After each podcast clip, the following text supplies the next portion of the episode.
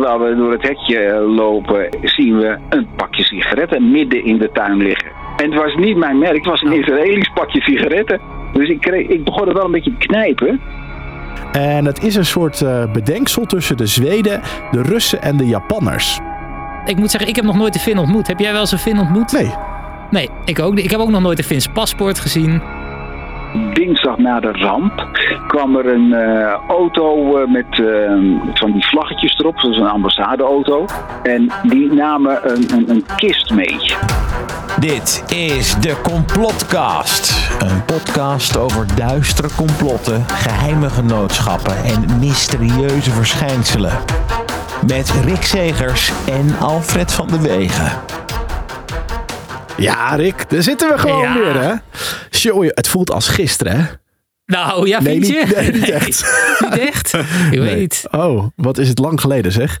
Het is zo lang geleden. Nee, ik, ik heb vorig jaar nog iets met corona gedaan. En ja. uh, nou, ik denk dat we al anderhalf jaar niet meer samen uh, bij elkaar hebben gezeten met microfoontjes erbij. Hè? Ja, de laatste aflevering van de Complotkast was die van jou alleen. En ja, dat is langer dan een jaar geweest. Ja. Ik weet niet eens meer welke aflevering wij nog samen gemaakt hebben. Ik ook niet.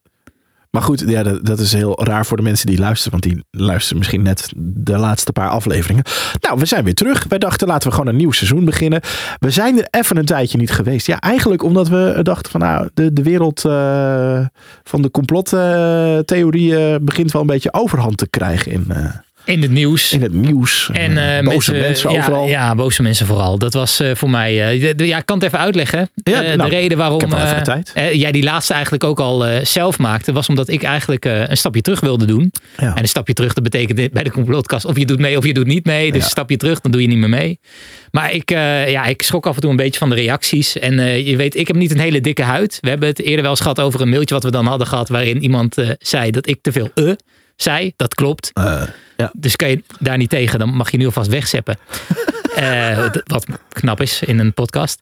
Maar uh, ik trek me daar heel veel van aan. Dus als mensen dan boos worden uh, en ze sturen mailtjes over, weet ik wat, in de fik steken van 5G-masten, dan ja. haak ik eigenlijk af en dan denk ik, dan, hè, dan nou, kruip ik terug in mijn schulp. Het is ook wel echt feller geworden de laatste tijd. Met mensen die dan uh, denken van nou, we moeten er wat tegen doen. En, ja. uh, dus wij hebben wel besloten van nou, laten we gewoon weer bij elkaar zitten. Want het, het kriebelt, ja, het, het, kriebelt wel. Ja, want er zijn ja, nog zoveel dingen waar we het over kunnen hebben. Maar we dachten, laten we even gewoon die dingen waar, waar, waar echt mensen nou ja, echt, echt bijna agressief van worden. Laten we die gewoon lekker laten gaan. En gewoon dingen die onszelf interesseren behandelen in het nieuwe seizoen. En waarbij we natuurlijk nog steeds openstaan voor suggesties van uh, jou aan, uh, als, als, als medebeslisser voor wat we gaan doen. Dus we hebben ook alles, allerlei suggesties van luisteraars uh, meegenomen. En, en nou ja, daar gaan we gewoon flink wat podcasts mee maken. Ja, dus als je iets op het hart hebt liggen waar je uh, druk om maakt, of gewoon wat je altijd al een interessante theorie hebt gevonden, dan moet je het zeker even kwijtlaten. En als je dan ook nog eens denkt van, ik, ik weet al precies welke persoon jullie hiervoor moeten benaderen, dan is dat alleen maar ja, meer dan welkom. Scheelt ons nadenken. Dat is ja, zo lekker dat andere mensen het werk doen. Mm, ja. Over werk doen gesproken. Ja. Voor de mensen. is misschien leuk om... Dus, die vijf sterretjes, hè? als je dat nu doet, oh. hoef je daar straks niet meer nee, over precies. na. Dus ja, ook, hè? Het is eigenlijk alleen in je eigen voordeel als je het nu al doet. Als je het nu al doet, dan kun je het ook niet meer vergeten. Wist je trouwens dat er bijna, uh, bijna 75% van al onze luisteraars via Spotify luistert? Dus dat oh. je daar, volgens mij kun je geen sterretjes achterlaten oh. bij Spotify. Ja. Maar goed, ach ja, wat maakt het uit.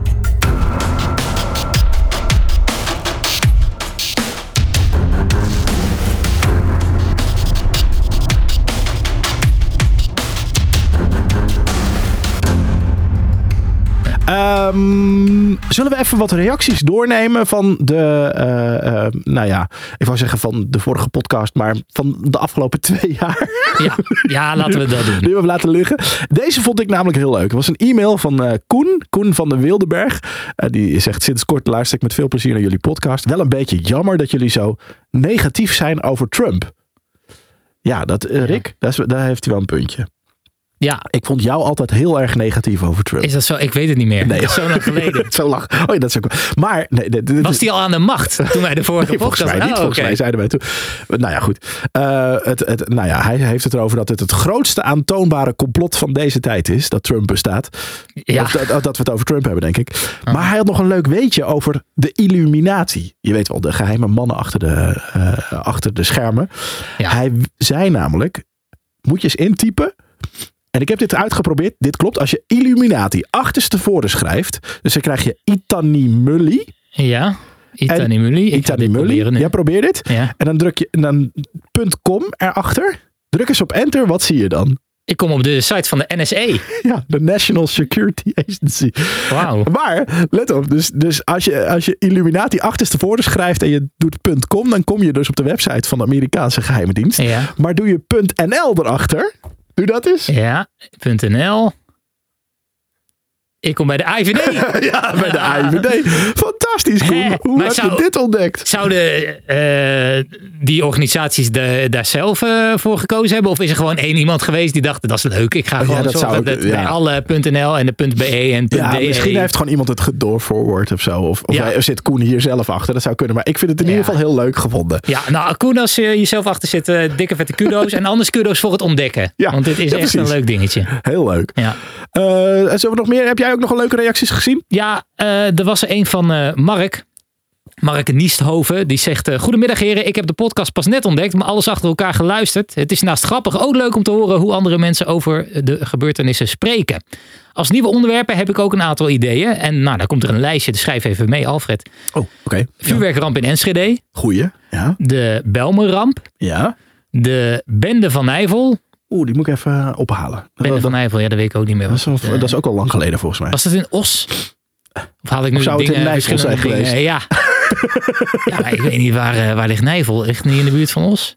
Ik heb geen idee. Geen idee. En dan nog het ontkennen van de holocaust. Maar die is misschien wat heftig. Omdat hij toch wel reacties kan oproepen bij mensen. Nou, dat heeft Mark goed ingeschat, denk ik. Ja, dat, nou, die, precies. eh, Dit zijn nou precies van die ja. dingen waar wij van zeggen, nou laten we die gewoon lekker even laten gaan. Noem een mietje, maar ik wil, eh, ik wil daar niet eh, in de buurt van komen. Nee, precies.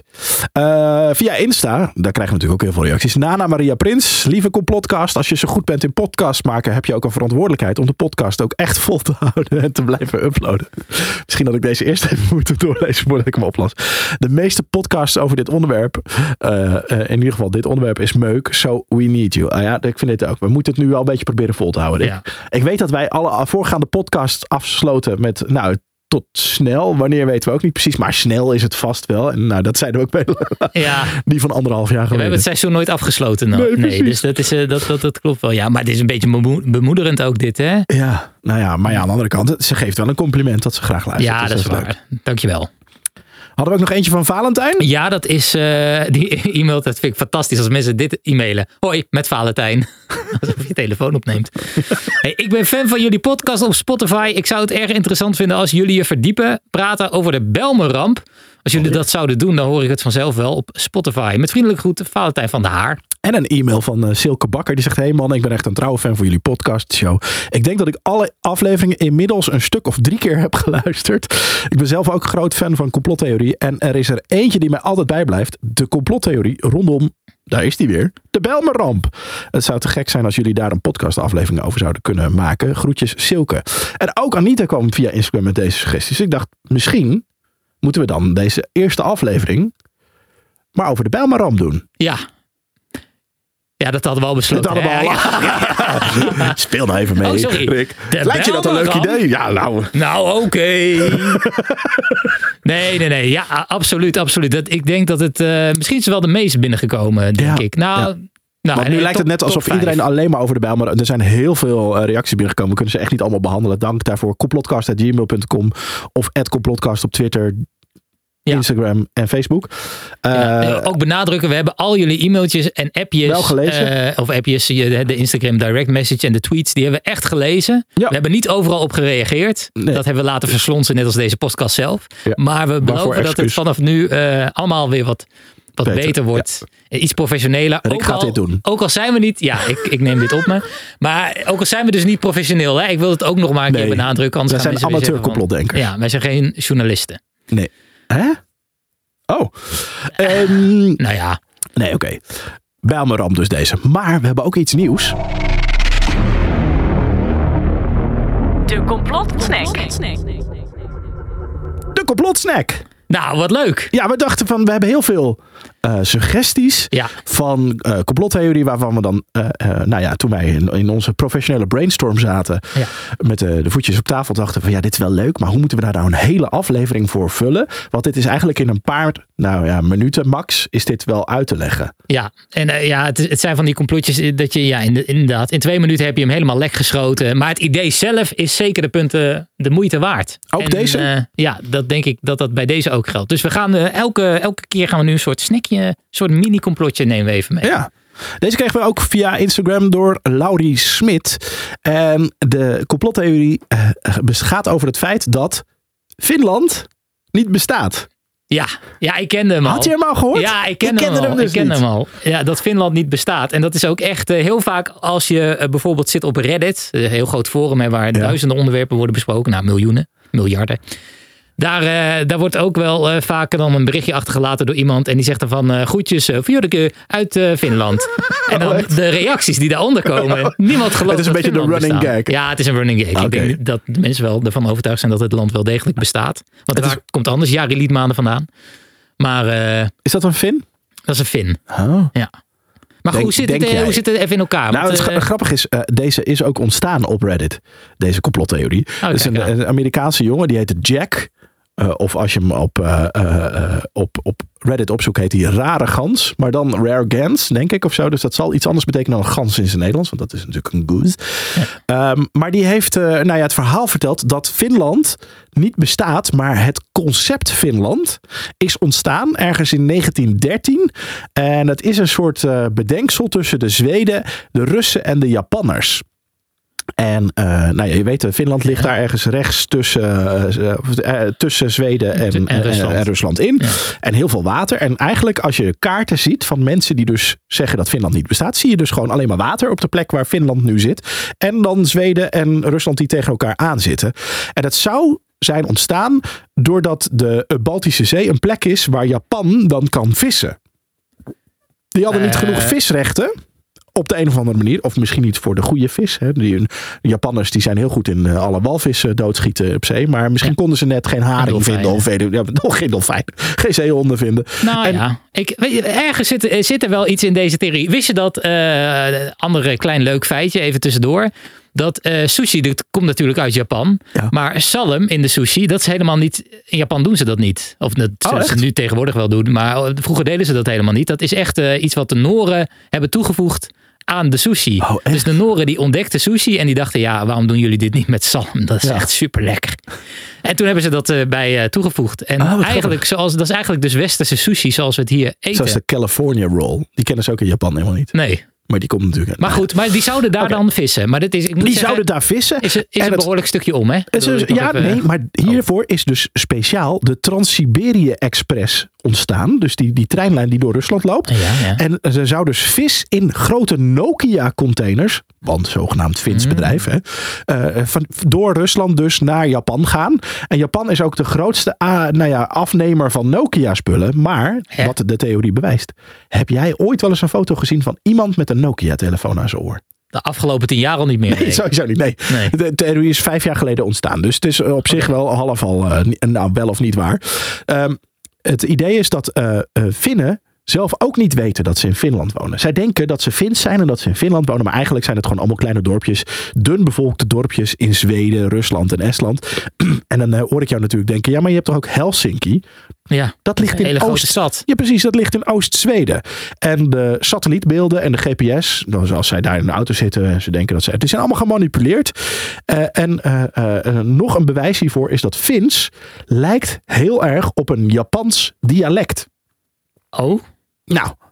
Ja, hey, do I need to say more? Nou, ik zal nog één, één slotconclusie geven aan deze, of een slotfeitje geven waardoor je echt helemaal flabbergasted om bent. Waarom het waar nou, is. eh, Let's go. Eh, de naam Finland is namelijk heel goed te verklaren.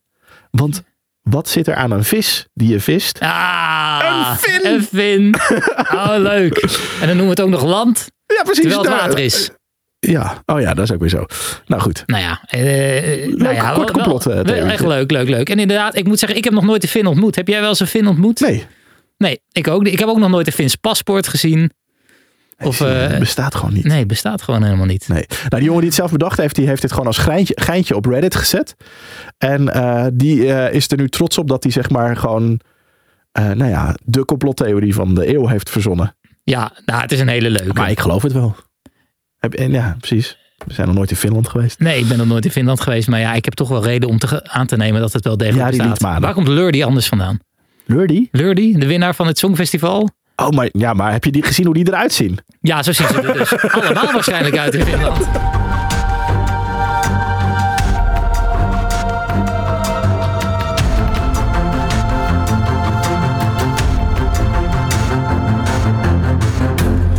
Ja, laten we naar eh, eh, het onderwerp gaan van deze, eh, het hoofdonderwerp van deze complotcast. Hoe oud was jij? Je hebt het net even teruggerekend, hè? Ja, dit was in, in 92. Eh, en ik was toen drie jaar. Ja. Ja. Ik neem je even mee naar 4 oktober 1992. Het was vijf over half zeven s'avonds. En toen gebeurde er dit. Goedenavond. Rond kwart voor zeven vanavond is een vrachttoestel Boeing 747F van El Al neergestort in de Bijlmermeer in Amsterdam. Het toestel heeft zich in de flat Kruidberg geboord in de wijk Groenhoven. Onduidelijk is nog hoeveel slachtoffers er zijn gevallen. De flat staat gedeeltelijk in brand. Er zouden meerdere gewonden liggen in de nabijheid van het gebouw, getroffen door brandende brokstukken. Over de oorzaak van de ramp is nog weinig bekend. Ja, een vliegtuig in de Bijlmer. Het was eh, net na zijn vertrek op Schiphol eh, richting Israël. Zijn eh, twee rechtermotoren verloren. Eerst nummer drie, die zit het dichtst bij het vliegtuig zelf. En die Ja. was, terwijl die eraf viel, tegen motor 4 aangevallen. En die waren allebei in het IJsselmeer eh, gevallen. En we hebben nog even een geluidseffectje van hoe dat gesprek ging. Tijdens het verliezen van de motoren tussen het vliegtuig en de toren op Schiphol. En eh, ja, je, moet- je, je- eh, ik moet altijd lachen, maar juffrouw Jannie staat op de achtergrond en die praat ook een beetje mee. Dus je hoort zeg maar een Nederlandse meneer die in het Engels communiceert met het vliegtuig. Ja. En je hoort de bemanning. Eh, ik heb een beetje in de tijd zitten knippen. Dus het is niet dat je denkt, wow, wat gaat dit snel. Dit duurde eigenlijk vijf minuten. Maar ik heb het even teruggeknipt naar, nou, grofweg anderhalve minuut. En dan hoor je bijna over een minuutje dat het vliegtuig, nou ja, wat er gebeurt. L1862, just to be sure, your engines number 3 and 4 are out. Number three and four are out and we have uh, problems with our flaps. Problem with the flaps, roger. And flap problems. And flap problems? Yes. Okay, heading uh, 120 and turning, uh, maintaining. Roger 1862, your speed is? Uh, speed is uh, 260. Okay, you have around one three miles to go to touchdown. Speed is all yours. You are clear to land runway 27. Clear to land 27. תרים את כל הפלאפס. את כל הפלאפס תרים.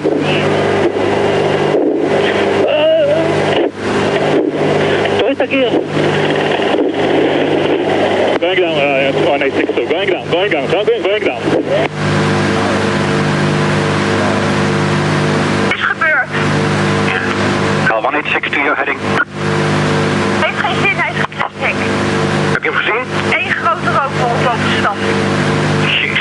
Whisky Papa Inside. Bij Whisky Papa. 1 mijl west van Whisky Papa. Ja, toen was hij dus naar beneden. Whisky Papa is eh, West van deze zee. WP, 1 mijl Weesp. west van Whisky Papa, ja.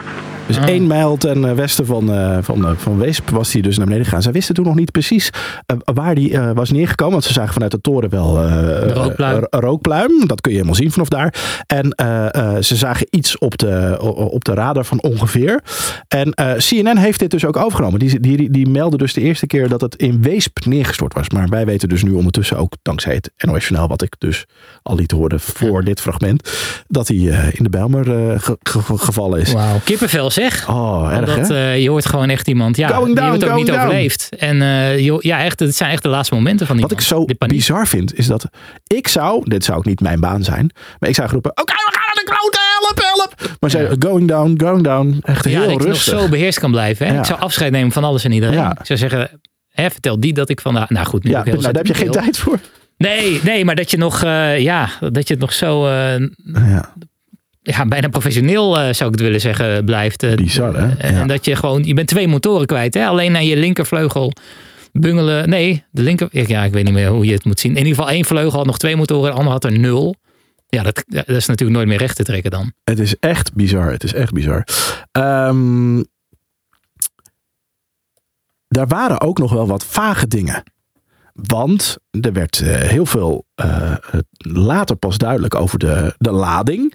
Want er kwam meteen naar boven, ja, er zat wat elektronica in en wat parfum, Ja. werd toen geroepen. Klopt, ja. En later werd er bekend van, ja, er zit misschien toch nog wat vage andere dingen in. En eh, ja, misschien zelfs militair of nucleair materieel zelfs. Ja. En in juni van 1993, dus juist ru- ruim een half jaar later, kwam er meer opzienbarend nieuws. Er waren namelijk de ochtend na de crash, dus op de maandagochtend, zondag op maandagochtend, waren er mannen in witte pakken gezien. En eh, eh, ik laat je even een stukje horen uit een, eh, een, een tv-programma van een paar jaar later, waarbij ze dan een ooggetuigenverslag nog lieten horen. Peter Woestenburg is rond 11 uur die avond bezig met het nablussen van de getroffen flats. De pers is dan al op grote afstand gezet. En om die tijd zagen we daar beneden zagen we een stuk of 10, 12 man lopen in lange witte jassen met laarzen en zaklantaarns. En die liepen over de puinhoop van het vliegtuig wat er toen lag. En waarom viel dat op dan? Nou, omdat er voor de rest niemand aanwezig was. Alles was afgezet. En daar liepen 10, 12 man op. Zonder bescherming, zonder iets. Alleen lange jassen, laarzen en zaklantaren. En die liepen duidelijk wat te zoeken. Ja. Klopt het nou dat eh, nog steeds niemand echt weet wie die mensen nou waren? Nou ja, daar moeten we dus maar eens even een kenner over gaan bellen. Ja, Er is namelijk iemand die heeft hier eh, heel veel informatie over. Die eh, schreef voor de trouw toen. Het is denk ik de eerste keer dat we een journalist gaan bellen in eh Complotcast. Want de meeste mensen die zien zichzelf, die zien de, de mainstream media als eh, nou ja, beheerst. Maar goed, Ja. deze eh, meneer die we nu gaan bellen, Vincent Dekker heet hij. Die heeft een boek geschreven, Going Down, Going Down. De ware toedracht van de Bijlmerramp. Eh, en nou ja, die had daar al allerlei theorieën over wat er aan de hand was. Er heeft een, een geheime lading aan boord gezeten. Ja, die wilde men niet op Nederlands grondgebied terecht laten komen, is mijn inschatting. Die wilde men per se terug hebben naar Schiphol, omdat op Schiphol internationaal terrein er geen douaneonderzoek zou zijn. Daar zou men ongestoord zeg maar, die zaak weer op kunnen ruimen. Ja, hij had eh, de ene naar de andere scoop op dit gebied. Op de een of andere manier wist hij veel of bleef hij er gewoon over doorzeuren. Dat moeten we maar eens even uit gaan vinden. Maar we- la- ja, Ja. zullen we Nou, hem maar eens bellen? Ja, ik wil nog wel gezegd hebben dat heel veel mensen vonden hem een vervelende journalist, Ja. weet ik nog. Heel veel mensen die waren het eh, een beetje zat dat hij zoveel vragen bleef stellen. Ja. Ook nadat het eh Maar goed, hij de kwam dus ook gewoon een half jaar- verhaal had, al had gedaan. Ja, hij bleef maar De doorvragen. onderzoeken waren al bekend. En toen kwam er, kwamen opeens de man in de witte pakken. Ja. Ik weet dit nog, ik was jong. En toen was, was dit heel erg in het nieuws. Ja, die man in de witte pakken, wie waren dat? En wat was dat voor gedoe? Hij heeft dat destijds onderzocht. En ik hoop dat hij ons meer kan vertellen. Zullen we hem bellen? We gaan hem bellen.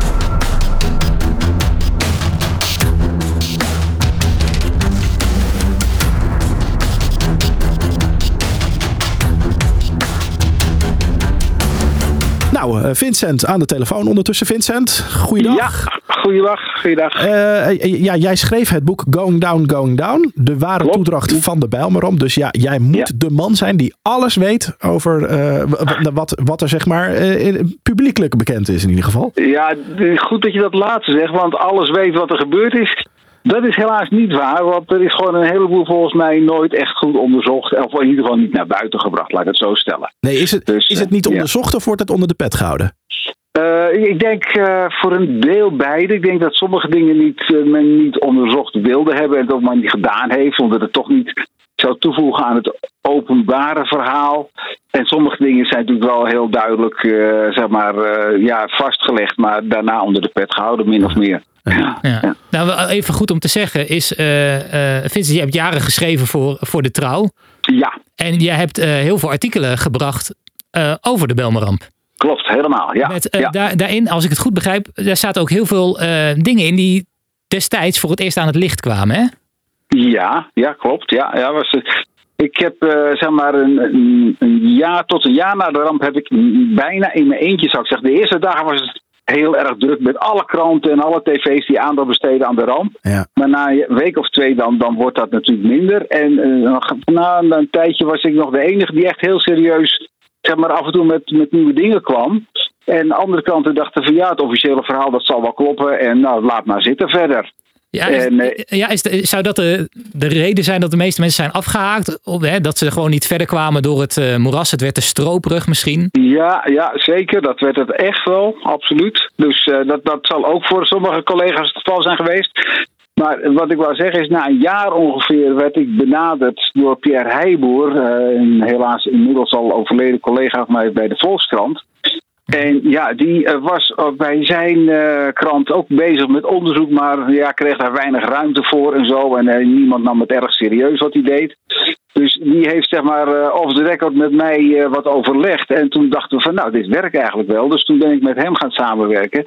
En daar kwam later ook nog eh, zeg maar wat televisiemensen bij, zoals eh, Joost Oranje, die tegenwoordig volgens mij bij Nieuwsuur zit. Ehm, en eh, we hebben daar toen een paar jaar eh, stug doorgewerkt met z'n drieën, vieren, vijven. Er kwam er nog iemand eh, zeg maar, uit Israël kwam erbij. En er kwam nog iemand uit Limburg af en toe met wat eh, nieuws uit die hoek, van, de- van de Duitse kant eigenlijk meer. En ehm, zo is het dus zeg maar eh, weliswaar door mij het eerste jaar in mijn eentje bijna gedaan. Maar daarna is het toch wel met een paar eh, collega's ook die ook dachten van ja nee, er zijn toch te veel eh, rare dingetjes. Ik, ik vertrouw het ook niet. Wat, wat, wat bleef jou drijven om het maar steeds weer over dezezelfde ramp te hebben?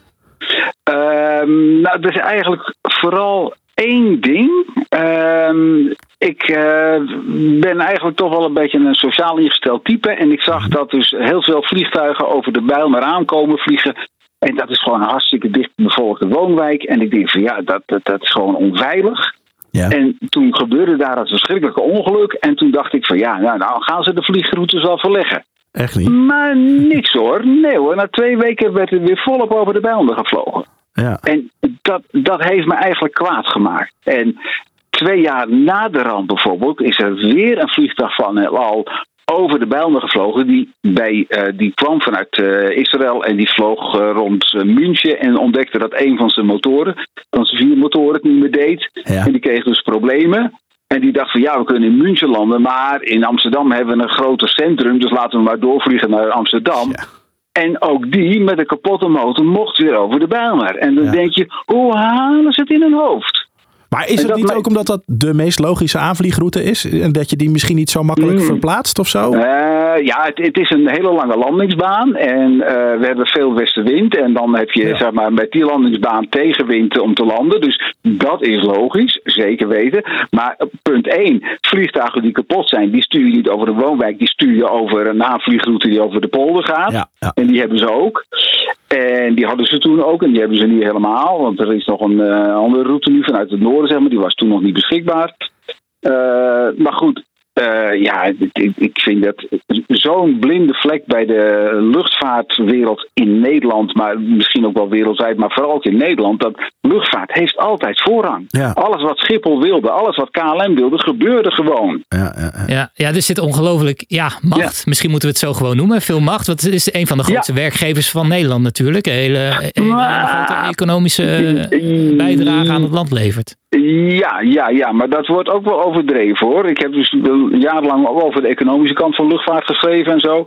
En ehm, ik weet ook dat we Fokker nog hadden als vliegtuigfabriek. En toen die dreigde failliet te gaan, toen kwamen er eh, officiële rapporten dat als Fokker failliet zou gaan, dat dat 50.000 banen in Nederland zou schelen. Nou, ik denk dat het er 50 zijn geweest. Oh, dat is een groot nou, la- laat, laat het 500 zijn, maar ik geloof het nog niet eens. Het, het is echt, ja, we hebben heel veel toeleveranciers even nog die met de resten van Fokker nu eh, onderdelen voor andere vliegtuigen maken. En eh Fokker voorspelde dat eh, de KLM erg in de problemen zou komen. En Fokker voorspelde dat de Koninklijke Luchtmacht in de problemen zou komen. Is allemaal niet gebeurd. Maar goed, het, het, het was Ja. dus niet zeg maar jouw gevoel van er klopt iets niet, ik moet de onderste steen boven hebben. Het was meer dat je dacht, wat een ja. onrecht worden die mensen aangedaan. Nee, nou, nou, nou, nee, nee, nee. Omdat ik ehm, daar toch wel zeg maar een, een soort dubbele drijfveer had ik dan toch wel. Want ik was nou na een anderhalve maand was ik er 100% van overtuigd. Dat ben ik nog altijd. Dat eh, het radarbeeld zoals wij het hebben gezien. Eh, wat officieel wordt gepresenteerd zoals de vlucht is geweest. Zoals het ook in animaties wordt gepresenteerd. Dat klopt van geen kant. Er is een extra rondje over de Bijlmer gevlogen. Dat kan bij mijn weten niet anders. En dat is bijvoorbeeld nooit onderzocht. Dat is een van die dingen die officieel nooit is onderzocht. Nou, laten we het daar gelijk even over hebben. Want dat was, hij, hij, hij vloog dus, hij steeg op op Schiphol, uh, de noordelijke kant. Hij ging over het IJsselmeer en toen verloor hij zijn, uh, zijn derde Precies. en zijn vierde motor. Ja, ja. Waardoor hij dacht, ik draai terug richting Schiphol. Ja, exact. En dat maakt hij dus een bocht naar rechts weer. Nou ja, Ja. een beetje ook uh, over de, over de Bijlmer inderdaad. En, en, en toen is hij ja. nog een rondje gegaan volgens jou. Nee, ja, nee, dat is sowieso. Hij is, zeg maar, nadat hij zijn motor is eh, verloren, is hij eh, volgens de officiële lezing een minuut lang rechtuit blijven vliegen en toen pas er terug richting Schiphol gedraaid. Ja. En toen kon hij niet meer links omdraaiend richting de startbaan. Dus hij moest nog een heel rondje vliegen en is over het centrum van Amsterdam gevlogen. Ook natuurlijk krankzinnig op zo'n moment. Ja. Ja, is echt. Als hij daar was neergestort, ja, dan hadden we Schiphol misschien wekenlang gesloten gehouden. Want ja, dat was natuurlijk heel erg geweest. Ja. Maar nu het de Bijlmer is geweest, is het anders uitgepakt. Maar goed, hij is dus over het centrum van Amsterdam gevlogen. Kwam toen weer in de buurt om eh, zeg maar voor de landingsbaan te komen. Maar vloog te lang door. En moest opnieuw een rondje maken om recht voor de landingsbaan te kunnen komen. Ja. En volgens de officiële lezing is dat extra rondje niet meer gemaakt. En is hij gewoon meteen neergestort. Maar, Maar waarom, ik heb waarom hebben ze dat vers- verzwegen, die extra ronde?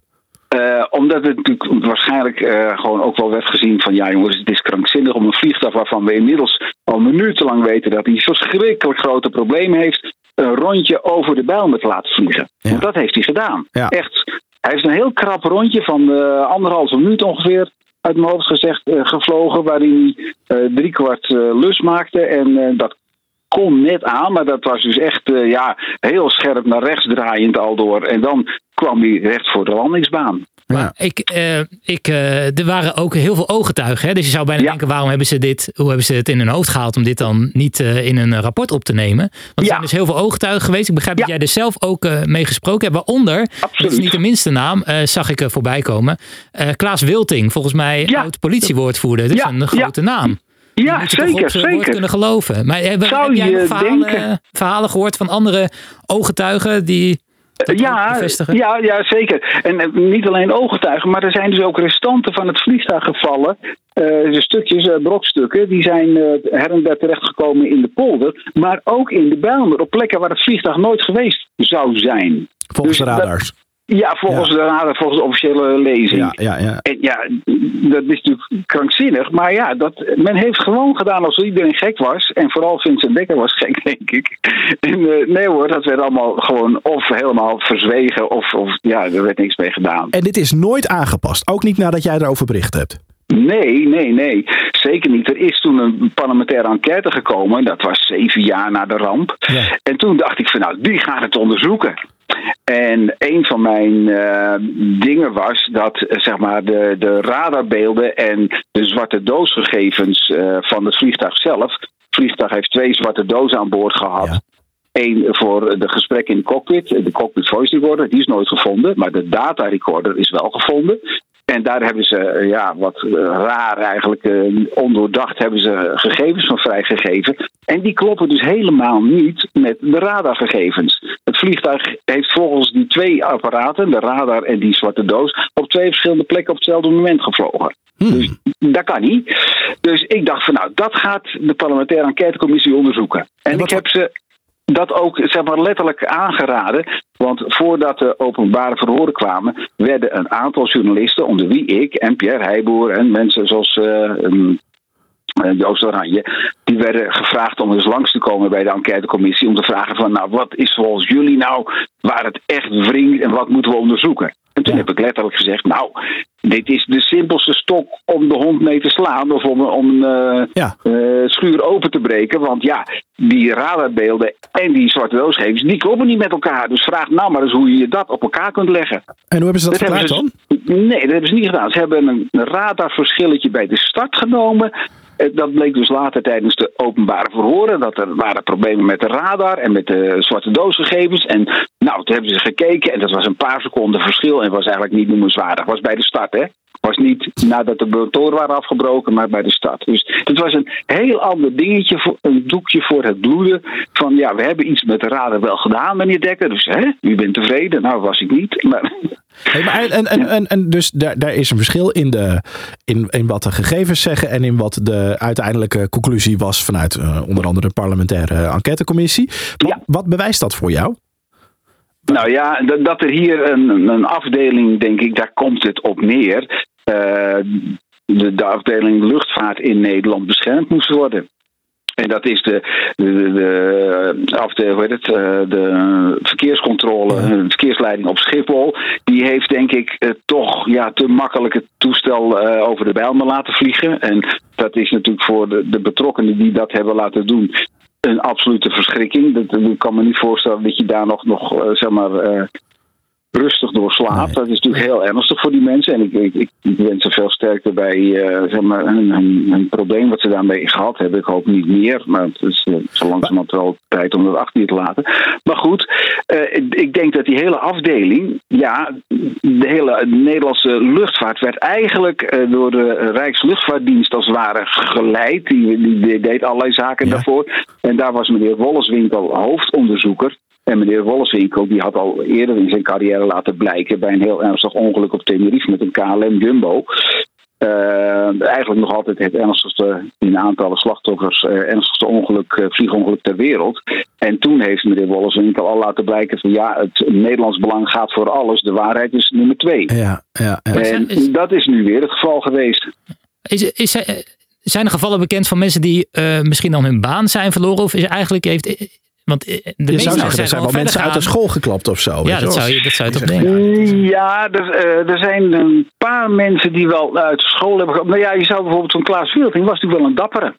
Laten we gewoon een, heel nuchter zeggen. Die heeft mij eh, en heeft ook anderen gezegd wat hij gezien heeft. En dat klopte niet met de officiële eh, waarneming, zeg maar, het officiële verhaal. En zo waren er nog wel een paar. Een medewerker van El Al, die op een gegeven moment, een Nederlandse medewerker op El Al Schiphol, eh, die ook eh, het nodige naar buiten heeft gebracht. En die, aan wie we met name ook zeg maar, de zaak over de missende vrachtbrieven te danken hebben. Dat die, eh, hij heeft dat aangekaart, zeg maar. Hij was niet de, de oorzaak van de missing, van de missing van die vrachtbrieven, maar hij heeft dat aangekaart. Ja, goed. De- dus we, we, we hebben nu eigenlijk vastgesteld: oké, er zijn twee verschillende lezingen, die van jou en wat andere journalisten en getuigen, en die, de, de officiële lezing. Wat, wat is eh, überhaupt de reden geweest dat ze terug naar Schiphol gingen en niet gewoon ergens in een weiland of ergens in een, in een, in een, een dun bevolkt gebied zijn geland? Ja, daar kan ik alleen maar over speculeren, want dat, dat weet ik gewoon formeel niet. Dat weet niemand. Althans, ja, misschien weten sommige mensen het wel omdat het besproken is, maar dat gedeelte van eh, het overleg zeg maar, tussen piloten en, en de grond hebben we eh, nooit gezien, nooit gehoord. Maar ehm, kijk, de vracht van het toestel was natuurlijk voor een belangrijk deel militair. Dat werd in eerste instantie ontkend. Er zat parfum in, er zaten bloemen in. Dat was ook waar hoor. Er zat van alles en nog wat in. Maar ehm, er zat een belangrijk militair spul in. En ja, we weten allemaal, eh, Israël eh, heeft atoombommen. En Israël heeft zelf niet de grondstoffen en de middelen om die te maken. Dus ze krijgen van alles uit de Verenigde Staten daarvoor.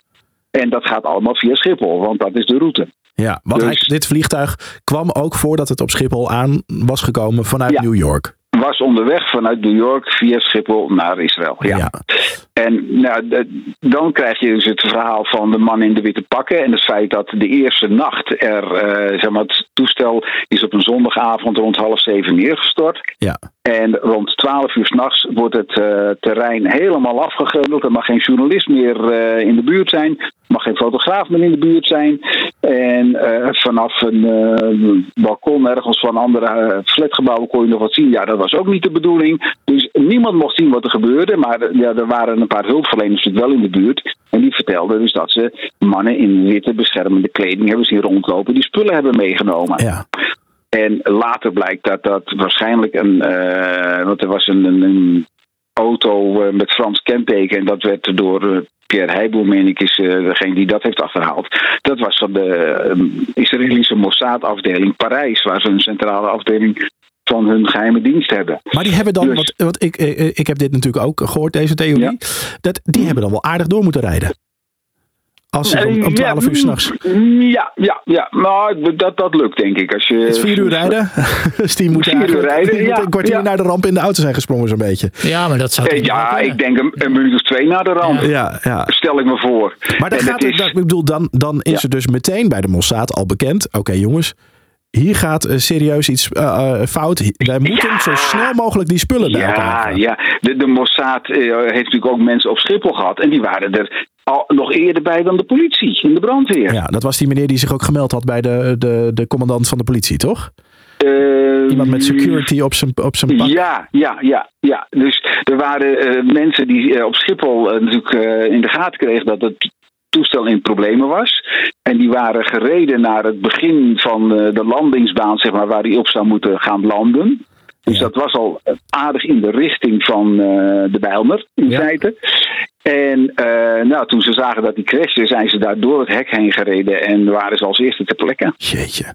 Ja. Maar zijn er ooit ehm, in de resten, en die resten die zijn allemaal vrij snel door de gemeente eh, gescheiden. eh, eh, gedeelte Ja. gebouw, gedeelte vliegtuig werd gescheiden, grofweg.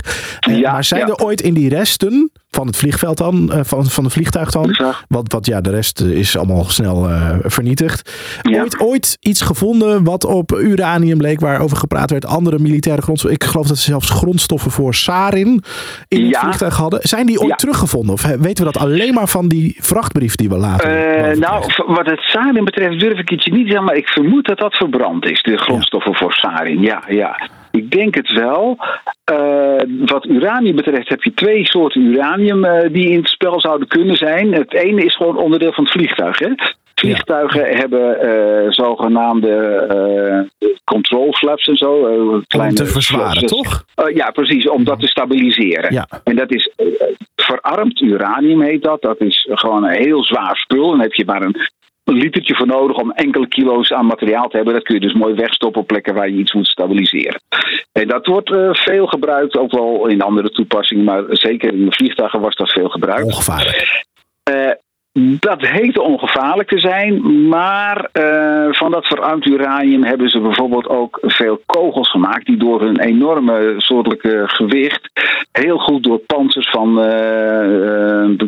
militaire geschut en zo, Oh. eh, panzervoertuigen heen kunnen komen. En die zijn massaal gebruikt in eh, de Eerste Golfoorlog. En daarna is er dus een enorme verhoogde uraniumstraling eh, en, en vooral ook concentratie van verarmd uranium stofdeeltjes daar gevonden. Er zijn veel mensen ziek geworden daar. En toen kreeg men in de gaten, verdomd, het is toch niet helemaal ongevaarlijk. Ze dachten, verarmd uranium is, is een mooi iets voor een kogel van te maken, want het is, die straling stelt toch niks voor. Maar als je die deeltjes heel fijn als fijne stof, bij de verbranding wordt het namelijk fijne stof, in je longen krijgt, dan blijven ze daar zitten en blijven ze ten eeuwige dagen stralen en dan krijg je toch problemen. Ja. En daarom was dat ook bij de Bijlmerramp mede een probleem. Want in dat toestel zat dus verarmd uranium dat voor een deel was verbrand. Ja. En dat werd eerst ontkend dat het kon verbranden. En later bleek dat ze inderdaad verbrande stukken hadden teruggevonden. Waar dus brandsporen op zaten. En ze hebben ook niet al het verarmd uranium van dat toestel teruggevonden. Dus dik kans dat dus ja, een percentage gewoon echt in, in, in rook letterlijk is opgegaan. Hey, en en, en eh, eh, die eh, cockpit voice recorder, die Mhm. dus nooit meer terug is gevonden. Daar gaan dus ook, nou ja, de, de, in ieder geval de geruchten over dat die dus door die mannen met die witte pakken is achterover gedrukt. Ja, dat, dat zou kunnen. Er zijn twee lezingen van de, de voice recorder wat daarmee gebeurd is. Ja. Eén is inderdaad dat hij al s'nachts geborgen zou zijn. Maar een heel betrouwbare ooggetuige, een hulpverleenster... Ja. die eh, heeft gemeld dat ze, op- ik dacht uit mijn hoofd gezegd... op de dinsdag na de ramp kwam er een eh, auto eh, met van die vlaggetjes erop. Dat is een ambassadeauto. Ja. Die kwam op het terrein en toen het terrein werd even een beetje vrijgemaakt voor een paar mensen die eigenlijk keurige kleding waren. Dus niet eens beschermende kleding of zo. En die namen een, een, een kist mee. Een doos mee, een kist mee heeft ze het over. En dat is ongeveer het formaat geweest van een cockpit voice recorder. Ja. Dus eh, het lijkt er ook op alsof hij toen is gevonden. En dat heeft ook trouwens een brandweerman beweerd. Die zegt van ja, ik heb dat ding in mijn handen gehad en ik heb hem in de container gegooid en ik heb gemeld dat ik dat gedaan heb.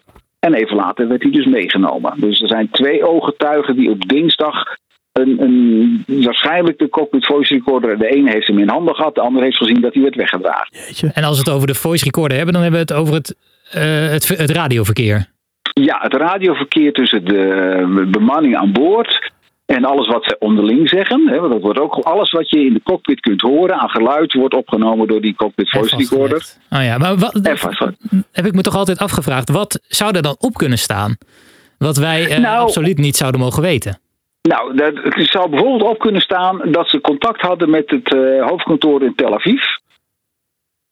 Dat, dat zullen ze ongetwijfeld gehad. Ze zullen een rechtstreekse lijn hebben gehad, ook eh, voor andere zaken gewoon onderweg en zo. Want ja, militair transport met heel speciaal spul aan boord waarschijnlijk. Heel vaak, nou, sowieso wel die grondstof voor sarin natuurlijk, waarvan je eigenlijk niet zult weten dat Israël sarin produceert.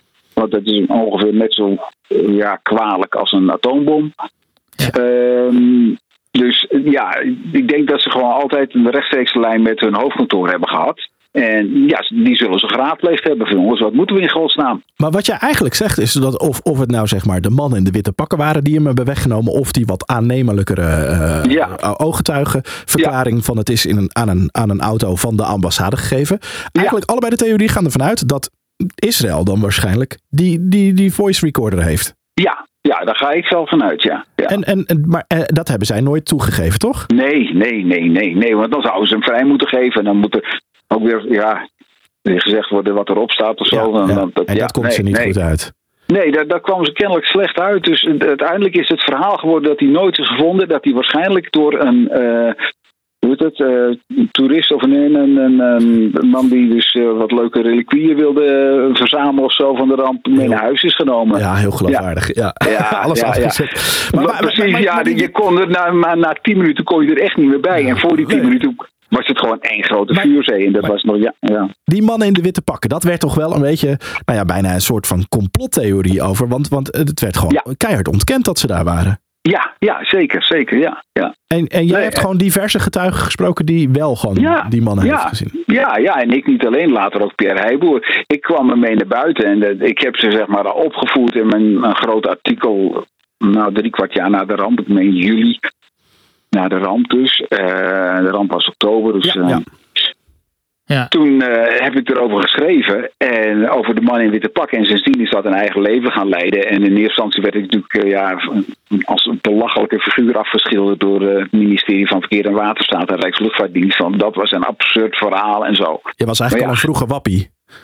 Eh, ik, ja, misschien zo, ja, wellicht zoiets. Ja, ik weet het niet. Maar heb je ooit het gevoel gehad, want dat is dan een hele gevoelige informatie die naar buiten zou eh, komen, Ja. zeker als het allemaal klopt. Maar Mhm. heb je ooit het gevoel gehad dat je dan eh, of werd tegengewerkt, of dat je in de gaten werd gehouden, of er werd gepost voor je deur, of op eh, een of andere manier? Nou, ehm, ja, ik werd sowieso tegengewerkt. Ik, ik kreeg echt eh, geen antwoord op vragen die ik stelde. En soms zeiden ze dan van, nou, oh, dan moet je bij een andere afdeling zijn. Dan ging ik naar die andere afdeling. Nee, moet je weer naar de derde afdeling. En, en op een gegeven moment was ik weer na een paar maanden terug bij dezelfde afdeling. Van, nee, ik moet toch bij jullie zijn. Ja, nee, echt, dat lukt echt niet hoor. Nee, sorry, kan, nee, ik heb het niet voor je. Dus dan heb je drie, vier maanden dezelfde vraag aan tig afdelingen gesteld. En je krijgt gewoon geen antwoord. En wat ik ook heb meegemaakt, dat vond ik wel heel gek en raar. Maar ja, dat hoort misschien bij het spel van een Mossad of zo. Ehm, ik woon in Bergen en ik kwam op een gegeven moment s'avonds uh, met mijn vrouw samen thuis. En dat was, denk ik, drie, vier maanden, drie maanden of zo na de ramp.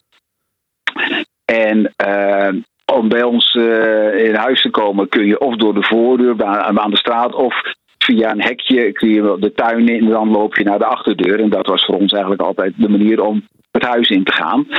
En terwijl we door het hekje lopen en uh, even in de tuin rondkijken, zien we een pakje sigaretten midden in de tuin liggen. Niet toevallig zeg maar, vanaf de straat erin gegooid, want dat, dat is te verder voor. Het lag er heel duidelijk herkenbaar een pakje sigaretten. Dus daar had iemand een sigaretje staan roken of zo. Maar dat was niet jouw en, merk? En het was niet mijn merk, ik rookte al niet meer. Het was een Israëlisch pakje sigaretten. Oh. Nee joh. Dus ja, echt. Ja, nou, intimiderend, hè? Alsof ze willen Ja, afwisselen ja, van, eh, ja, we weten waar je woont en eh, zoiets. Ja. Maar is niet een buurman die dacht, ik haal even geen. Nou ja, dat weet ik dus niet. Ja, nee, ja, is de- een of andere, maar niemand heeft zich ooit bij mij gemeld van, goh joh, ik was degene die die grap met je heeft uitgehaald of zo. Dat niet. Dus ik, heb, ik heb nooit eh, ge- gehoord van wie dat gedaan heeft. Maar ja, het is wel raar. Wat eng. Lijkt me heel eng.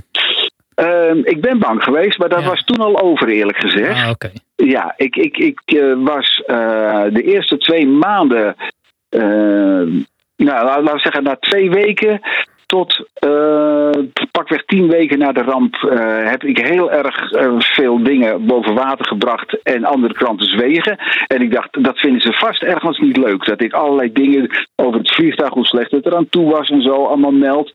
Dus ik begon hem een beetje te knijpen. En ik kreeg ook te horen van de voorlichters van Verkeer en Waterstaat... van Vincent, eh, dit kost je je carrière als je zo doorgaat. En Vincent, dit is gevaarlijk. En er werd gebeld naar de hoofdredactie of Vincent Dekker niet kon stoppen. En er kwam een ambassadeur van Israël of Vincent Dekker niet een andere positie kon krijgen.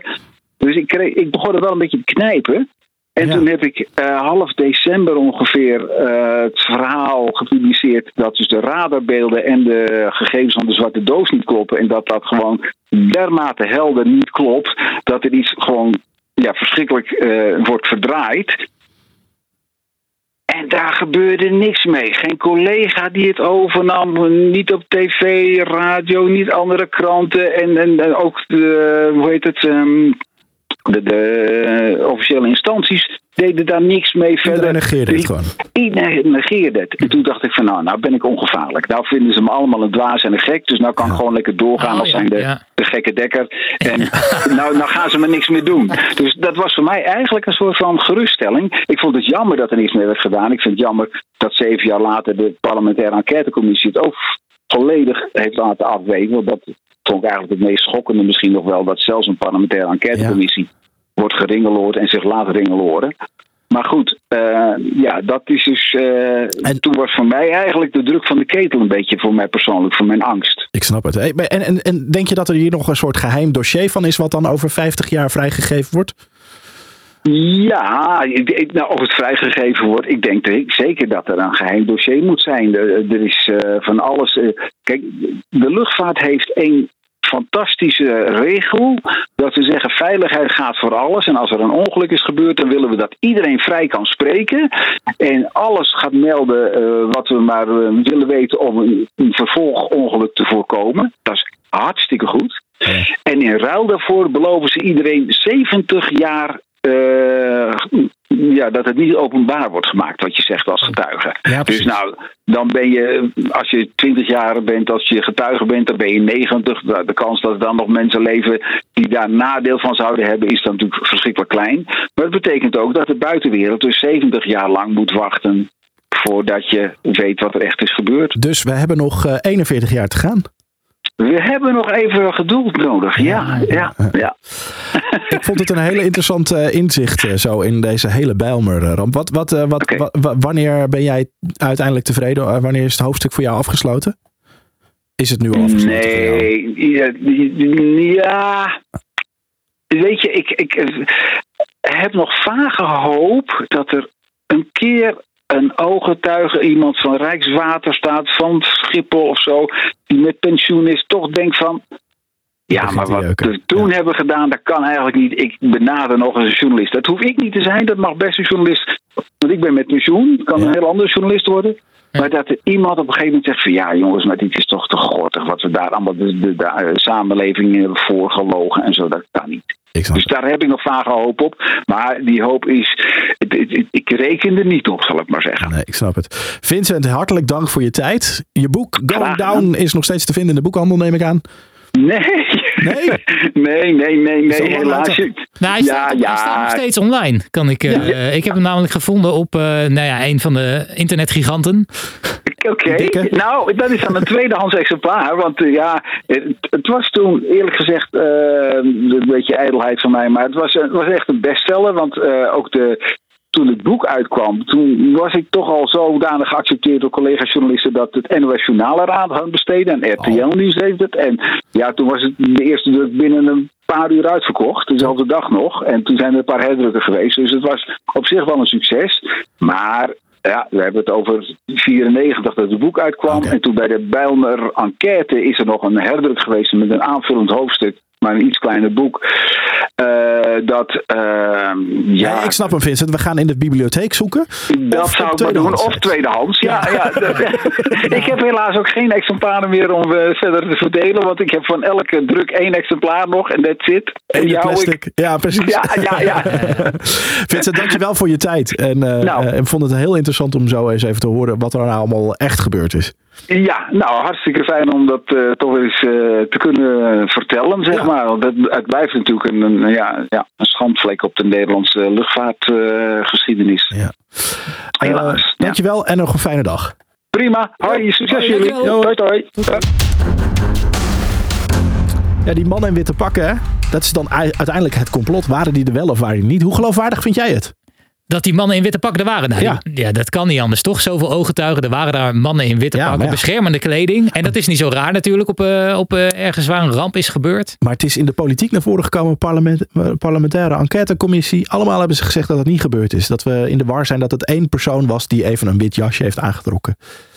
Is toch bizar? Ja, maar er lopen daar toch geen dokters rond. Ik weet niet wie jij nog meer kent in... eh, ja, Oh, u heeft een arm die eraf gevallen is. Ja. Ik zal hem, ja, ja, bizar hè? Ja, ik geloof het ook wel. Ik denk wel echt dat, eh, dat dit eh, gewoon wel waar zou kunnen zijn. En of het dan een complot is of, eh of Ik denk dat het een- onderzoek. Ik denk dat het een hele onhandige manier was van proberen alles toe te dekken. En nou ja, als we het er maar niet over hebben, dan vergeten mensen het wel. Ja. Nou en ja, we zijn nu 30 jaar later, heel eerlijk.